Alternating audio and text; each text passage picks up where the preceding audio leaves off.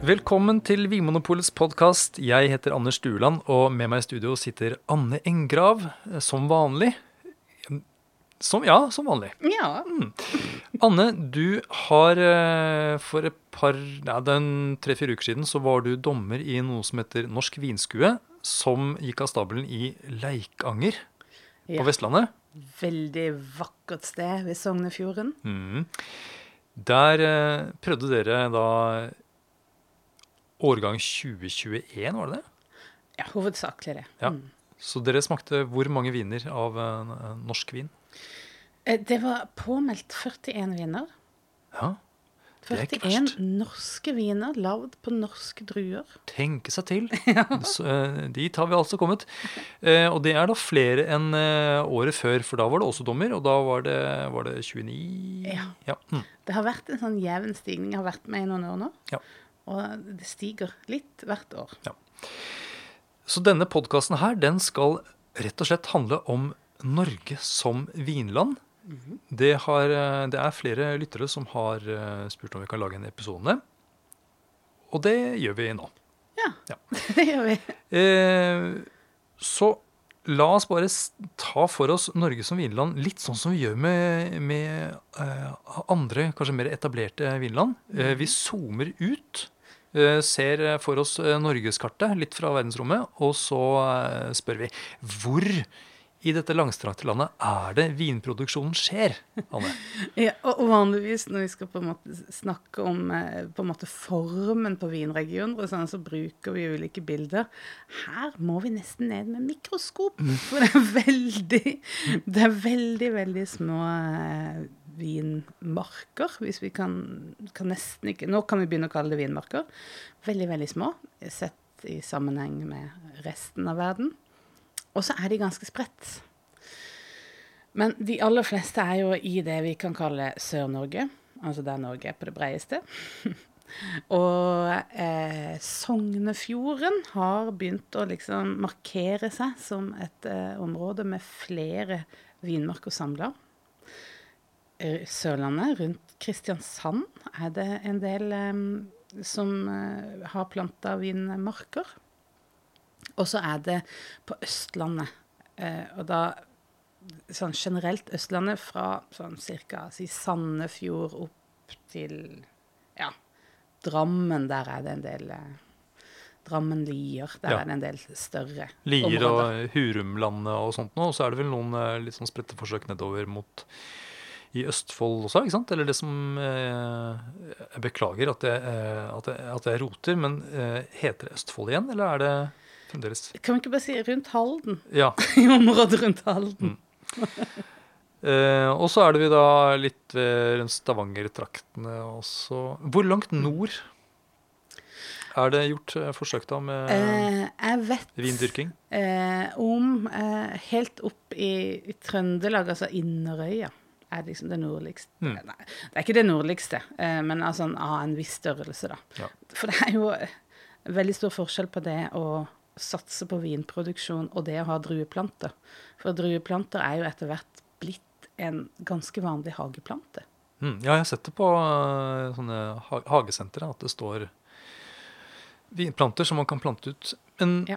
eh, du har jo nevnt om mange steder i Norge, men ingen av disse stedene ligger i Innlandet, Nei, det har du rett i. slår det meg. Så alle, de fleste, eller alle områdene som lager eller produserer vindruer nå, Mhm, ligger langs kysten. Stemmer. Kystnære strøk. Eller fjordnære, da. Mm. Men det er jo Og hva er grunnen til det? Det er jo en god grunn til det. Eh, For vann, store mengder vann, har jo en slags sånn modererende effekt på klimaet. Sånn at du får ikke de store svingningene. Eh, Det holder temperaturen lenger.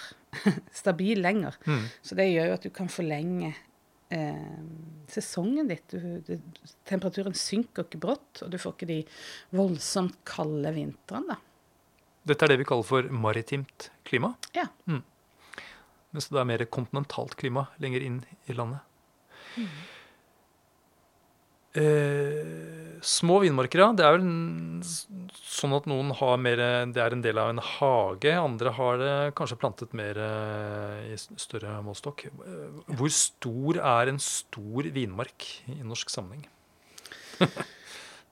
Ja Altså, i andre vinregioner så snakker man gjerne om hektar. Er liksom målestokken på størrelse på vin, eh, vinmarker. Mm. Den tilsvarer omtrent en fotballbane. Ja, sånn cirka. Mm.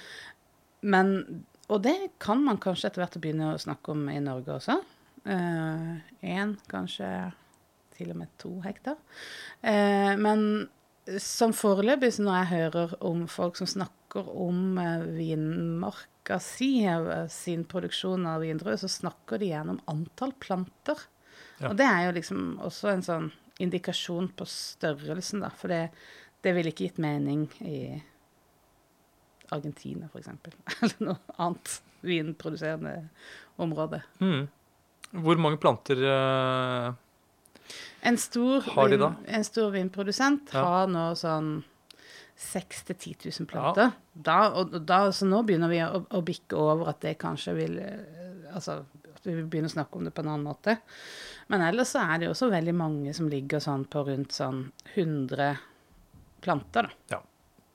Men når man snakker om tusenvis av planter, da, da, da er det plutselig en del å holde styr på.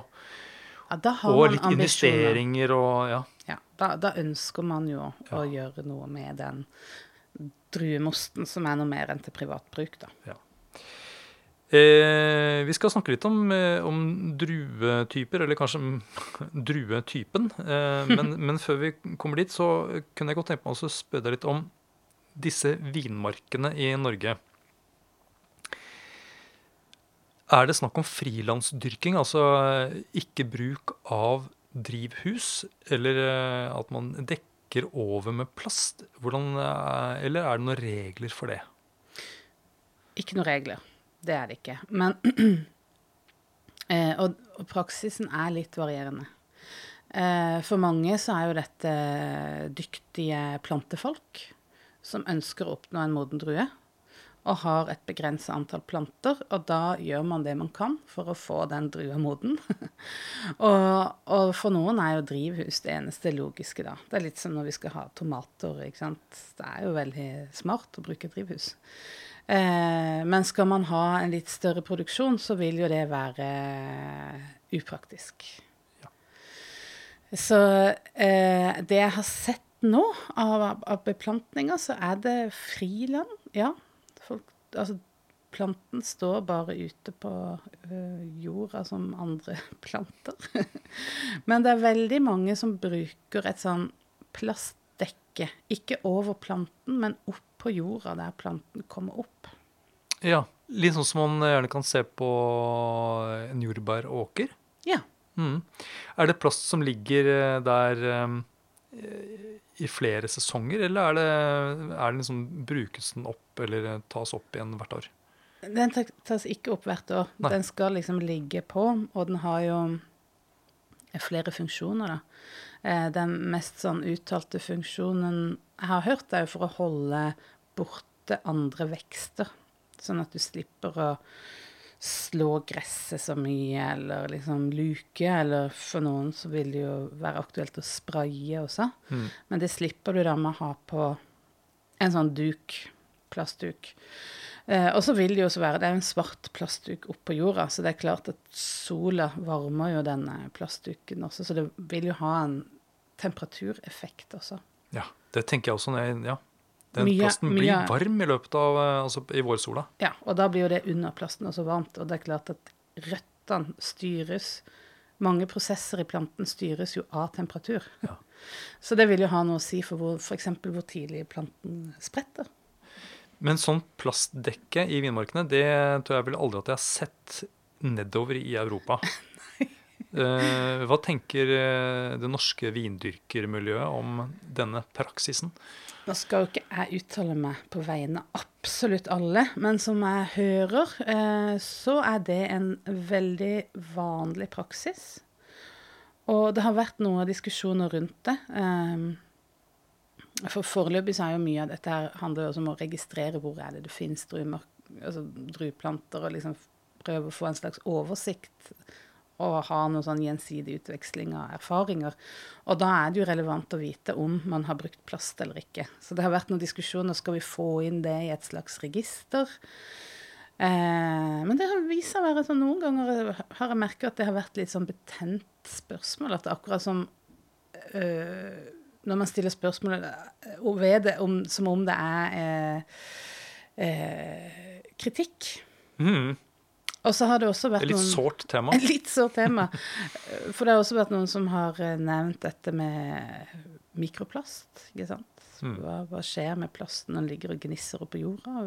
Blir dette når vi setter avtrykka i naturen? Hvordan tar det seg egentlig ut når vi skal markedsføre Norge som et vinland, og så har vi fantastisk natur som vi har dekka med plast? Altså, det, er mange innfallsvinkler til dette. Ja, og så er det dette med monokultur. At eh, hvis du har store felt med bare vinplanter uten noe annet som vokser imellom, så Ja. blir det jo min, mindre artsrikdom i det, Det- området. Det er jo en problematikk som vil komme i det øyeblikket det vil bli store områder, da. Ja, hvis de, det. Hvis det gjør det. Hvis de gjør det. Foreløpig er det veldig små områder. Eh, men da kan jeg jo rett og slett bare Fordi i denne kåringen av eh, Norges beste vin eh, Vet du om den vinneren var en vin som var blitt dyrket Mm. med plast? Nei, vet du hva, det vet jeg ikke. Nei, men det er greit nok. og så er det da Hva er det som vokser i vinmarken? Det er planter. Ja, og hva, hva slags druetyper er det som er vanligst? Eh, Ja, igjen da, kanskje litt sånn symptomatisk for en, eh, vin, et vinland som ikke er født ennå, at det er veldig mye forskjellig som testes ut. Og det er, ny, det er en ny vinregion, vi har ikke noe historie.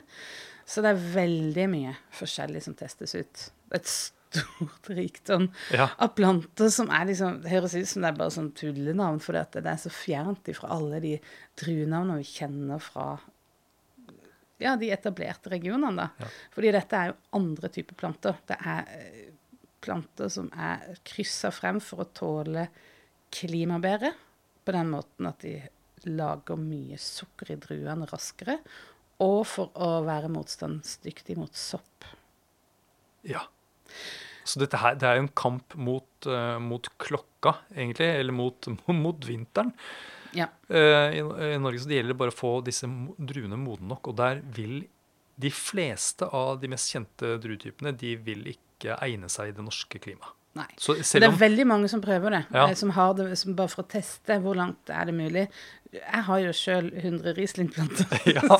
bare for å se hvor langt er vi kommet. ja, Men det er, vi er en måned Vi har én måned for kort vekstsesong. ja, og det er jo en del, altså. Det er en del. Ja. Det er mye som skjer den siste måneden. ja, mm. Men det er ikke til å komme fra at det, for de fleste vinprodusenter så er jo den våte drømmen er jo da å få til chardonnay, pinot noir eller, eh, eller Riesling, kanskje. Ja.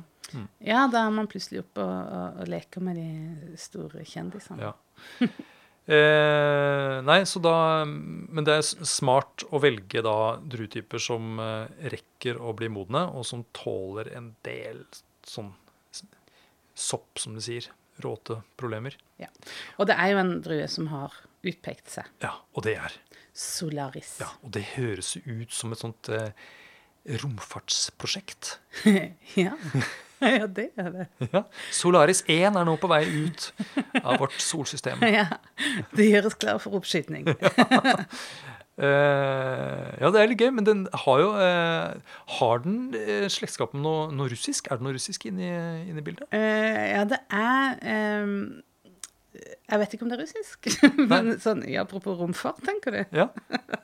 Men det er jo noe eh, hybrid Det er jo en hybrid. Kan vi, kan vi bruke det begrepet? Ja. Eller bør jeg kanskje uh, forklare det? ja. Jeg sier hatt til begge deler. Eh, for eh, vinplanten som vi Altså druer som vi kjenner det fra vinverden, kommer jo fra en familie som heter Vitis vinifera. Denne familien har mange ulike former. Det kan være Cabernet Sauvignon, det kan være Riesling, Chardonnay, alle disse druenavnene vi har hørt. Og så har du en side, altså en slekt, som er tett kobla på denne vitis vinifera. Eller du har mange sånne sidegreiner som kanskje er mindre kjente. Noen av de er fra Russland, som du sier. Eh, Og mange er fra Amerika. og mange er fra Amerika. Og de kan ha litt andre egenskaper, men de har ikke vært eh, brukt så mye i vin. Nei. Og en hybrid, da har du kryssa fram druer ved hjelp av flere sånne slektsledder. Så Ja. både f.eks. vitis vinifera og vitis Amorensis, amurensis. for å nevne en. Eller urpestris, som er en annen. eh, Ja, Berlandieri. Ja. Ja. Eh, så det er altså mor, eh, mor kan være f.eks. vitis vinifera, og far kan da være vitis urpestris. ja. Og da, når de da får eh, barn, en eh, ny eh, druetype, så vil det da være en såkalt hybrid. Riktig. Og da sier EU sitt regelverk at det som skal selges som druevin i EU, det må være laget på vitis vinifera. Ja, det gjør de. Ja. Det er jo en form for eh, skal vi si proteksjonisme, eller for å holde et slags kontroll over stiler og Ja, Mm. Eh, Man eh, Ja, nettopp. Jeg vet jo ikke helt hva som er grunnen til at man har det regelverket, men det er noe der, i hvert fall. ja. Det er jo ment å være et kvalitetsstempel. Ja. Og så sier du da at eh, denne Solaris, den er da eh, Den har da litt er en hybrid. Ja. Eller det var en hybrid eh, et slektsledd tilbake. ja, den har en, eh, en bestemor Ja. fra en annen grein. Det høres ut som den verste sånn raseteorien, egentlig. Men, men sånn er det altså i planteverden, da. ja. Solaris har en fjerdedel vitis amorensis, mens tre fjerdedeler er da eh, vinifera. Ja, og da er det ulike eh, eh, druer, altså vitis vinifera, som også har blitt kryssa frem, da. Men likevel så har EU da eh, bestemt seg for at eh, Solaris skal Ja. komme inn i det gode selskap. Ja. Så det betyr at en, en vinprodusent i, i et land da, i Europa som, som godkjenner eh, Solaris som en drue til vinproduksjon, for det er det avhengig av. Mm. Sverige f.eks. godkjenner selvfølgelig eh, Solaris. Mm. Og da kan også vin basert på Solaris kan selges i EU Som kvalitetsvin. som kvalitetsvin. Ja. For du må være, hvis det, noe selges som vin, så må det være lagd av druer. Det er eh, Enda lenger tilbake. Ja. Så, så det, det må være på plass. Det må være druer. Det må være druer. Mm. Ja, så denne Solarisen har da etter hvert blitt anerkjent. Den ble jo kryssa frem på 70-tallet en gang. Eh, og eh, har nå de siste åra blitt veldig aktuell, både i Norden, spesielt i Norden, egentlig. Og det er også ganske mye beplanta i Tyskland. Ja. Det er jeg tror det er 60 hektar i eh, Tyskland som er beplanta med Solaris. Det fins litt i Sveits. ja. Betyr det at uh, Tyskland er uh, ledende på Solaris? Det er jo på en måte opprinnelsen. Den kom, den ble kryssa frem der i, i Sør-Tyskland. Mm.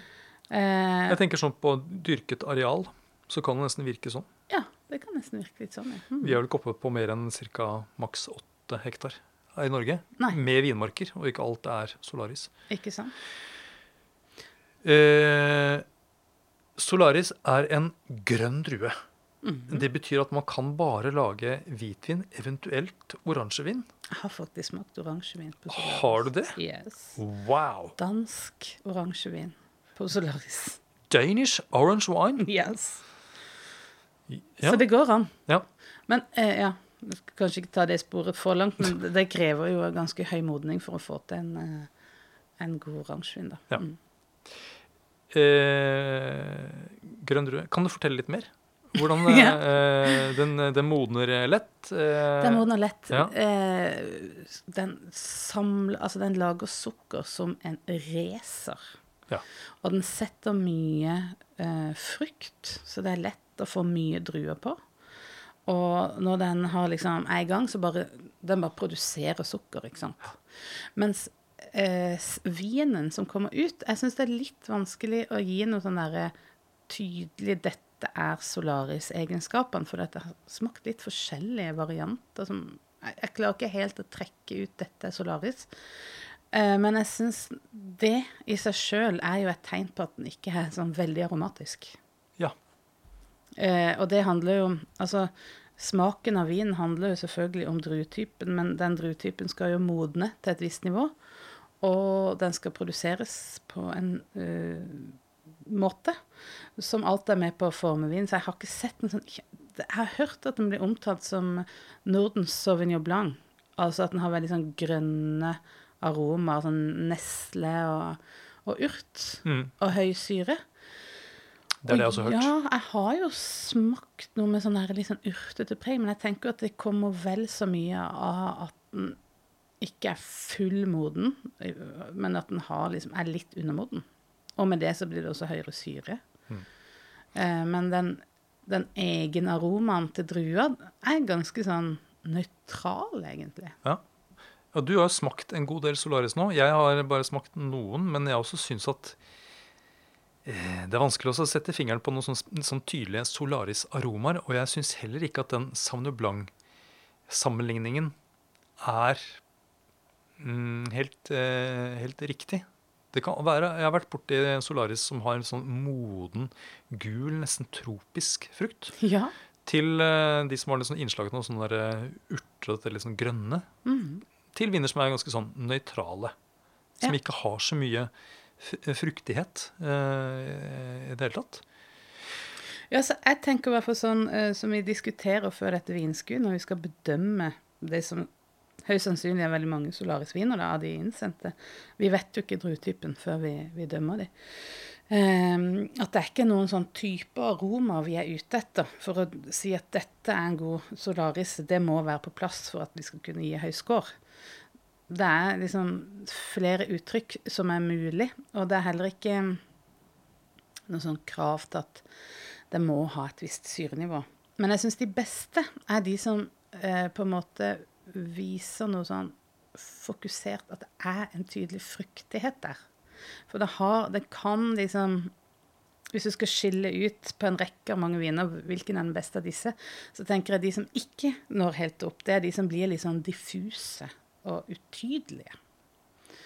Og det spesielt i stille viner, da, så, er- så syns jeg det eh, ikke er kvaliteter man skal på en måte gi noe full score til.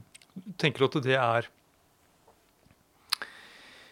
en liten utfordring med norsk vin? Eller er det der vi er nå?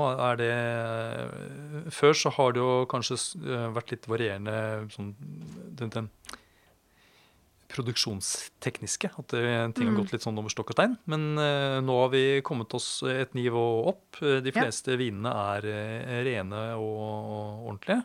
Eh, Ja. Men at de eh, Det er noe litt sånn diffust. Noe litt sånn Ja. ja.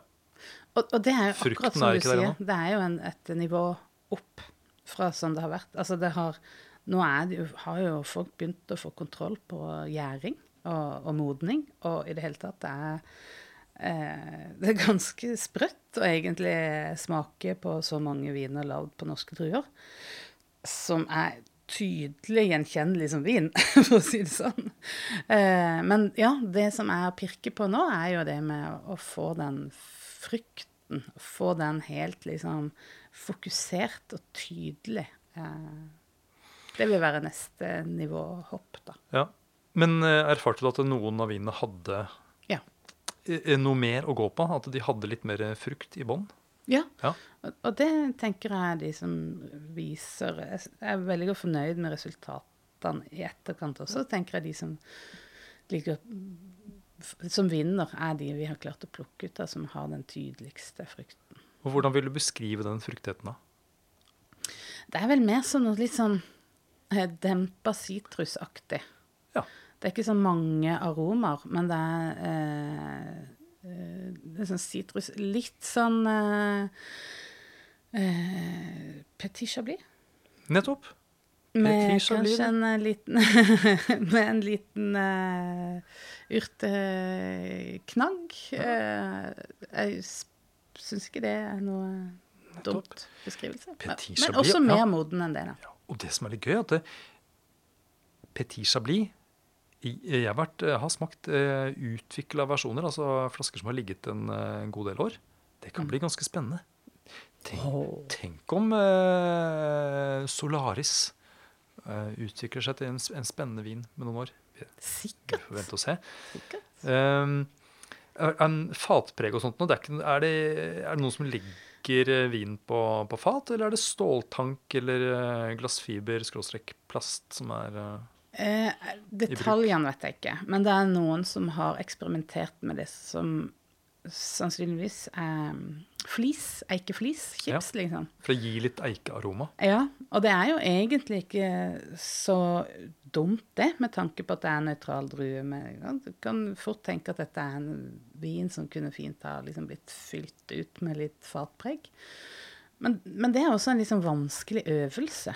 Når du har en nøytral, kanskje litt utydelig frukt i bunnen, og så, og så få på plass den riktige balansen med, med eikeflis der, så det var ikke noe sånn Det har vært tidligere år, så har det vært mer tydelig.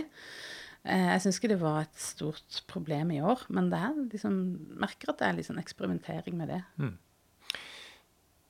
Siden det er såpass langt nord, så er det jo lett å tenke at, eh, at vinene blir syrlige. At de har mye syre som gir friskhet til vinen. Er det Er, det, er, de, er de veldig syrlige? Du nevnte Ja. Petit Chablis som en sånn Ja. sammenligning som, i stil. Ja, altså, det er egentlig ikke så Jeg var sikker på at de skulle vært syrligere, eh, spesielt i år. Jeg tok det til meg opp på sånn der, i møte med de andre dommerne at ja, skal vi prøve å snakke litt om syre og sånn? Og vi, ja. Men det viste seg at det var jo ikke egentlig noe som var et problem. Nei. For fort gjort å tenke at det er så langt nord at jo lenger nord du kommer, jo høyere blir syra. Men, men det er ikke alltid sånn, fordi at den drua da er eh, tilpassa dette klimaet. Mm. Det er jo ja, det er et tegn på at de når eh, ganske god modning, i hvert fall. Ja. Hvis syra ikke er så altfor høy. Så det betyr at eh, de har ikke behov for å hva skal jeg si, balansere vinen med restsukker eh, eller sukker heller. Det, det er, de var tørre, de fleste viner, eller? Ja. Mm. Nettopp. Gøy. Og så syns jeg det er veldig Egentlig det mest det morsomste eh, sånn rent personlig er å se hvordan musserende vin At det har en sånn det, det er jo veldig logisk også, egentlig. At, men at de gjorde det veldig bra. De fikk det liksom jevnt over av alle. Så var det de musserende vinene som fikk høyest poengsummer også. Ja. Og at det var eh, både noe man hadde fått kontroll på, eh, den produksjonsprosessen, og, eh, og det at du kan Da kan du jo høste druene kanskje liksom, De bør jo ikke være sånn sprekkmodne, for å si det sånn. Du kan høste de litt tidligere på, for å beholde den syrligheten, og for å, å ha det liksom ferske preget. Det, det, det var spennende. ja. Og det er litt derfor champagne var en eh, som egnet seg for museene musserende vind, og England også. Ja. Eh, Så det er kanskje noe som man skal satse på her også. Så te- tenker du at det er eh, I og med at Solaris er den mest dyrka druen i Norge, Mm. så gir det seg selv at det ikke blir så mye rødvinsproduksjon eller rosévin, for den saks skyld. Men tenker du at, eh, at musserende vin kanskje er den vinstilen, hvit musserende, som er den vinstilen som er, Ja, personlig syns jeg den er mest å få bra til? Jeg- Jeg syns det er den mest lovende stilen. Men det er en del rødvin nå, altså. Ja. Eh, Det er sånn Av antall påmeldte så er det eh, omtrent like mange hvite og så er det en liten andel okay. Ok. musserende. ja. Men, Men oss- sånn ja. kvalitetsmessig så syns jeg de musserende ligger et lite hestehode foran. Ja. Og hvordan Det vet du kanskje ikke, men hvordan blir disse laget? Blir de laget etter champagnemetoden? At de går gjennom en sånn annengangsgjæring på flaske? Ja, jeg tror det. Ja. Jeg tror de gjør det. Og vet du hvor lenge de ligger på, på gjærrestene? Eh, nei, hva var det snakk om? Det var, det var ikke så lenge. Jeg lurer på om det var snakk om et halvt år eller noe sånt. Ja. Mer, merket dere noe til dette er autolysepreget? Det er litt sånn kjeks Ja, vi snakka om eh. det. At vi, at vi syns vi kjente det. Eh, at, at, ja. Men eh, jeg tror nok ikke det kan ha vært det, for det krever jo litt lengre eh, lagring på på det der. Mm. Men det er noe å følge med på. Jeg tenker det Det har vært gøy, da. Ja. Og så gøy å lage òg. ja. Det er jo en mer sånn prosess. Det er mer eh, vinmakerens jobb enn bare vinmarka. Ja, jeg, jeg er helt enig. Når man lager museene i Wien, hvert fall på den måten, den tradisjonelle metoden, så er det nesten som at man dyrker, dyrker druene videre Ja. gjennom prosessen. Eh, men så var det altså rødvinene. Eh, det er jo ikke så rart at man, eh, at man prøver seg på rødvin også. Eh, mange liker rødvin best. Ja, for mange er det det som er vin. ja. Eh, men der, var, det- der har vi et stykke å gå fremdeles, tenker du. Og hva slags, Ja. hva slags druetyper er det som blir brukt da? Nå har jo ikke jeg egentlig Vi får jo ikke vite druetyper når vi bedømmer de, eh, så jeg har ikke egentlig eh, fått full oversikt over hvor mange ulike som ble delt inn, eh, levert inn. Men det er mest Rondo som er på en måte Det er den vanligste drua. Men igjen, her er det ganske stort spekter av ulike varianter, da. Mm. Og friburgunder er jo f.eks. en vitis vinifera-drue, altså som er en klone av pinot noir som modner tidlig, som også er blitt brukt en del. Og det er liksom Der er det et litt større spenn, men mest rondo, da. Mm. Rondo. Det er et, eh, er det et mye brukt hundenavn? Er det ikke et sånt musikkprogram med Petter Nome? Var det Petter Nome, ikke Ivar Dyrhaug? Jeg trodde det var Petter Nome. Um, Uten at det har noe med saken å gjøre. men eh, er det noen som lever av vinproduksjon i Norge i dag? Eh, kort sagt nei. Eh, men det er litt for enkelt svar. Eh, for jeg, jeg har hørt rykter om at det nå er en at, at det går an, da, å leve av å selge eh, vinen sin i eh, Selvfølgelig med skjenkebevilgning og i egen vinbar på gården. Eh, men da er det jo på en måte i kombinasjon. det er jo ikke bare, Du lager jo ikke bare vin og selger vinen, du må jo på en måte ha dette serveringsstedet også, da. En opplevelse? En opplevelse. Man selger en pakke? Ja. Og det, det er jo Det ser jeg jo Jeg syns jo det er fantastisk å, å egentlig reise rundt i, i Norge. Jeg elsker jo det, har jeg funnet ut. Det er litt for seint, kanskje. Men det å se at hvordan folk rundt forbi, f.eks. i Sogndalen, da, jobber med Ja, så har du noe vinproduksjon gående der, og så har du noe siderproduksjon der, og så guider du turistbusser der. Og så er du kanskje sosionom i en halvstilling. Altså, du har så mange bein å stå på. Og det tror jeg er liksom eh, I den tradisjonen der at den her eh, nyfunne vin eh, eh, Skal vi si Ikke akkurat industri, men altså den nye måten å dyrke på. altså det å ha vindruer er jo nytt, da. Ja. Og det har jeg skjønt at eh, Innovasjon Norge, som har vært inne og støttet en, en del av disse prosjektene, er at de, de går under det som kalles for tilleggsnæring. Ja. Eh, så det er jo som en sånn, en sånn liten ekstra, ekstra bit av eh, det de holder på med. Ja. Mm.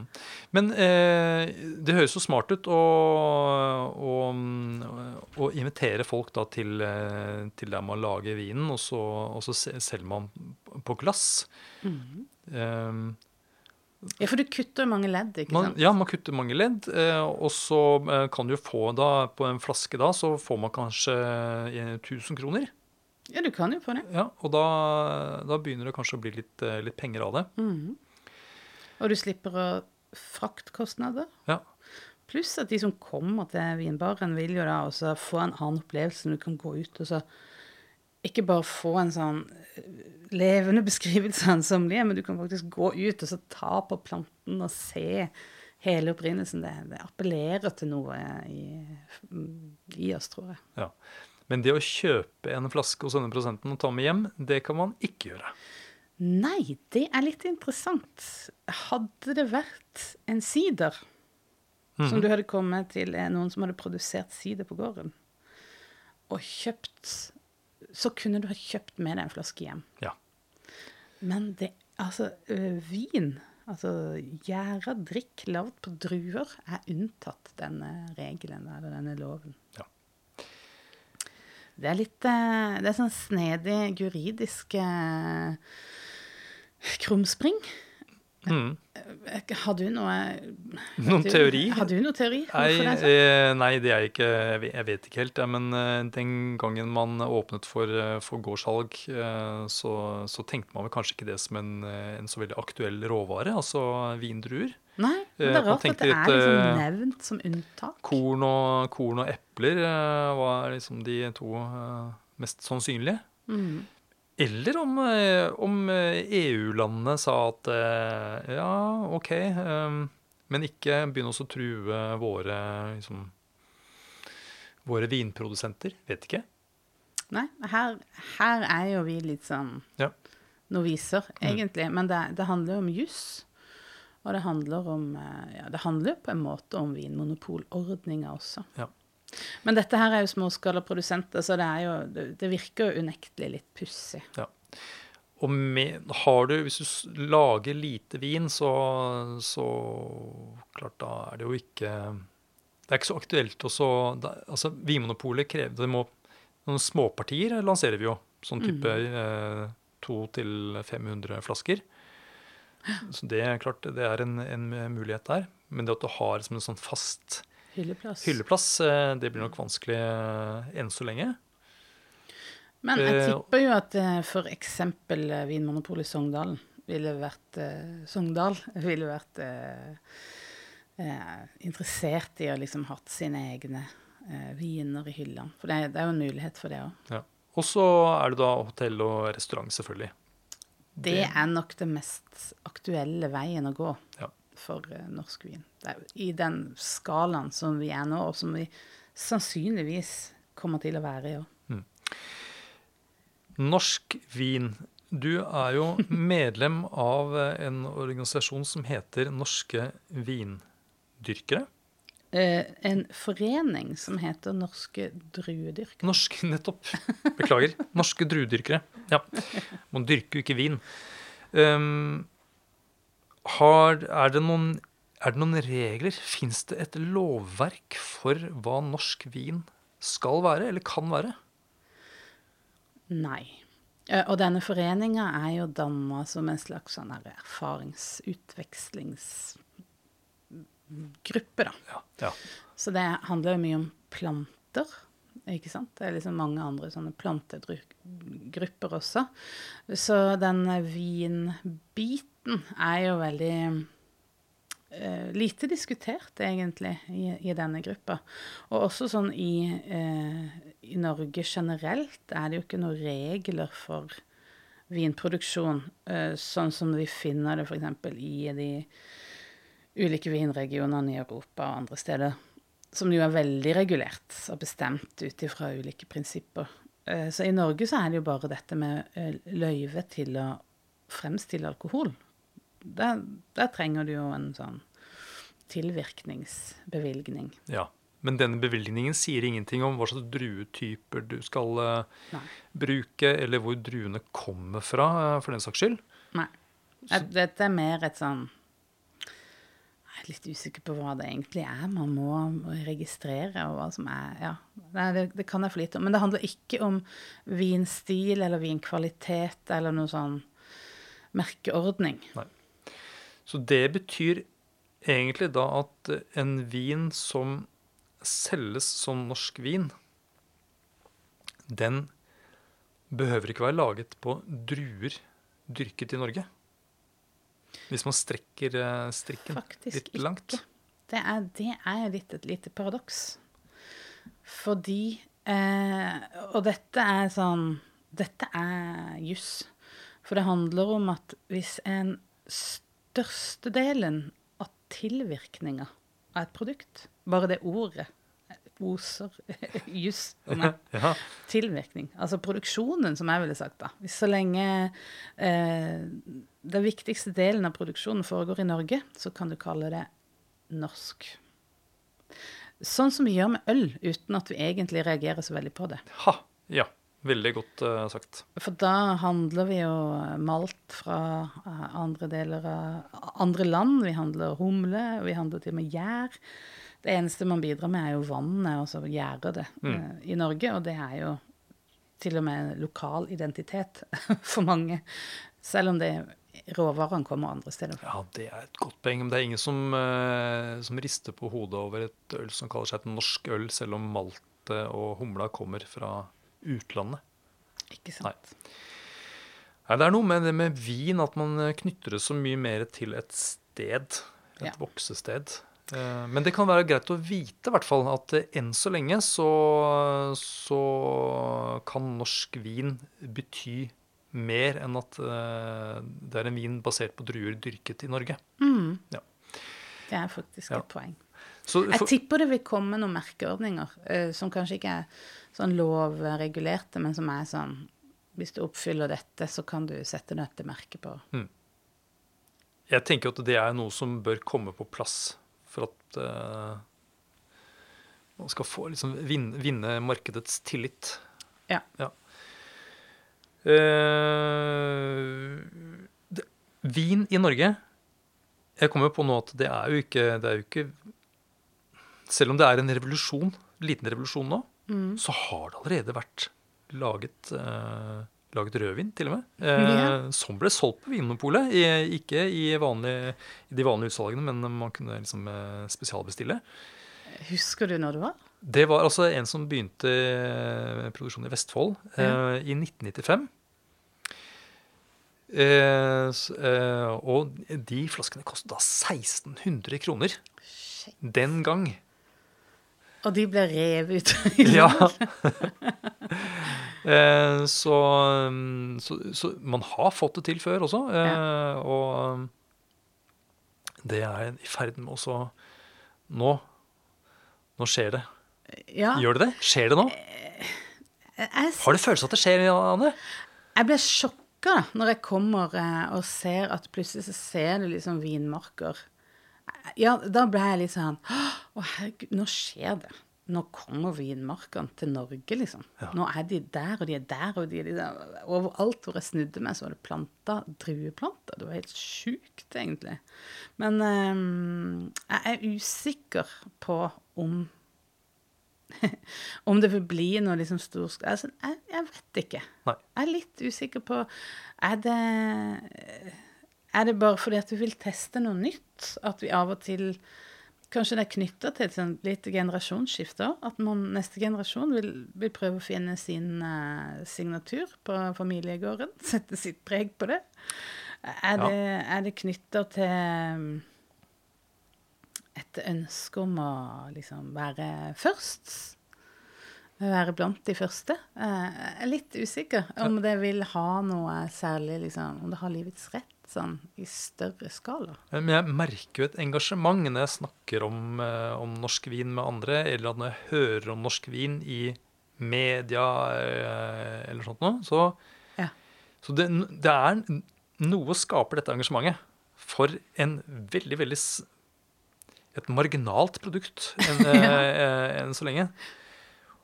Så det må jo være Det er dette her Wow! Nå blir Norge Syden, tenker jeg.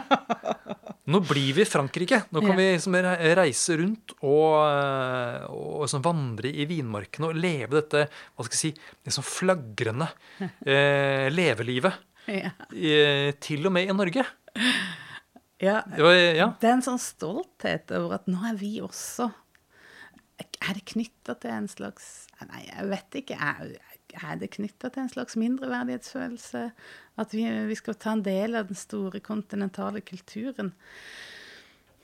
Kanskje. Ja, men vi, vi det er jo en del av det. Vi er Vi har jo en, vårt eget. ja, men vi er en nasjon med folk som drikker vin. Ja. Og vi er interessert i vin. ja. Så det eneste vi har manglet fram til nå, er jo egentlig egen vin. Mm.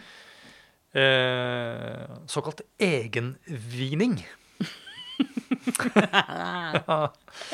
Ja, og så Eh, passer det også litt inn i den derre eh, kortreiste. At Ja. vi vil helst ha ting som er rett rundt hjørnet. Mm, da, men her, da må jeg på en måte pirke litt borti det. Ja, Fordi det. altså, det er sånn, jeg tenker, Greit nok, dette er kortreist, eh, så bærekraft når det gjelder tenker sånn transport av, av vin i seg selv, Ja. det vil jo da være bra. For den, eh, så det, den bør ikke transporteres så langt. Mm. Men når man planter da en vinmark i Norge, så planter du et sted hvor det egentlig er optimale form, eh, forhold, Mm. eh, veldig ofte, for å få moden frukt av andre slag. F.eks. epler. Ja. Ja. ja, noen av disse var jo gamle og- eplemarker som ja. var blitt vinmarker. Og for å kaste ut en brannfakkel da, Mhm. så, så lurer jeg på Er det så lurt å produsere eh, druer som kanskje bare av og til blir modne, og som kanskje blir god vin? Eller hadde det vært lurere å, å dyrke epler som kan bli eplesyltetøy, spise epler, eplemost eller kanskje eplesider? Eller Eh, andre produkter? Men er eplesider bedre enn vin? Hvis du tar bare eplesider, da. Det er jo alkohol, begge delene. Nei, men Er det alkoholen du reagerer på? eh, Nei, jeg tenker at det er jo man kan, Klart man kan jo spise disse druene også, men eh, jeg tenker at det er lettere å få mer matnyttige produkter Mm. eh, ut av eh, epler enn vindruer Ja. i Norge. Eh, så jeg, jeg bare lurer på Ja, sånn sett Er- er trenger vi, trenger vi norske druer i en sånn matsammenheng eller i en sånn Ja. landbrukssammenheng. Mm. Kanskje ikke. Men hvis det er en sånn tilleggsbit, hvis det er det som gjør at vi klarer å holde liv i eh, gårder rundt forbi, Det er et godt poeng. så er det det som kanskje er liksom toppen på eh, det som gjør at det går rundt, da. Det er faktisk sant. Det kan skape ringvirkninger. Det er ikke bare dette med at man skal produsere mat. Nei. Skjø- jeg skjønner. Og ofte, som vi har snakka om i andre sammenhenger, så er jo vinmarkene den type marker som ikke nødvendigvis egner seg for kornproduksjon, f.eks. For, eksempel. for du kan ha litt mer sånn karrig jord og bratte heng liksom eh, Som ikke er så lett å dyrke korn, eller kanskje også poteter på. Ja, sant nok. Eh, apropos mat. Ja. Er det noen spesielle matretter du vil anbefale til en, eh, en litt sånn tørr, litt nøytral, med hint av fruktig Solaris? Eh, Det må jo bli noe sjømat, da. Sjømat, ja. Ja, noe litt sånn ikke så veldig eh, På en måte aromatisk matrett også. Litt sånn dampa, flakete torsk med en lett sånn Kanskje sånn der eh, sauce vet du hva det er? Sånn olje med litt eh, tomater og tomatbiter og Litt eddik litt eddik, og litt eh, persille. Ja, Mm. det tror jeg Mm. jeg ville valgt. Ja. Nå, jeg, jeg tenker jo, jeg håper jo at hvis vi noen gang får en sånn her norsk vinidentitet, at vi eh, gjør vårt for å framheve det vi kan av det derre reine norske Det høres plutselig så usympatisk ut, men det så har den sånn der, den derre reine naturen det er der, eh, litt sånn ubesudla. Som eksempel en eh, flakete dampa torsk. eh, og at det er liksom den stilen også innenfor vin at vi kan ja. fremedle. Men kanskje det er det Kanskje det er det vi skal satse på? Lage litt sånn nøytrale hvitviner som smaker som norsk. luft. Vann! ja. det er ikke dumt. Kanskje det er det som er særpreget? Ja. Frisk luft. Ja. Hipp, hipp hurra for eh, Norge og for eh, norsk vinproduksjon. Jeg er veldig spent på hva som skjer eh, framover. Ja. Tusen takk, eh, Anne. Takk sjøl. Takk for at du hører på Vinmonopolets podkast. Har du forslag til et tema i podkasten? Send mail til podkast at vinmonopolet.no. I tillegg svarer kundesenteret deg på e-post, chat og telefon.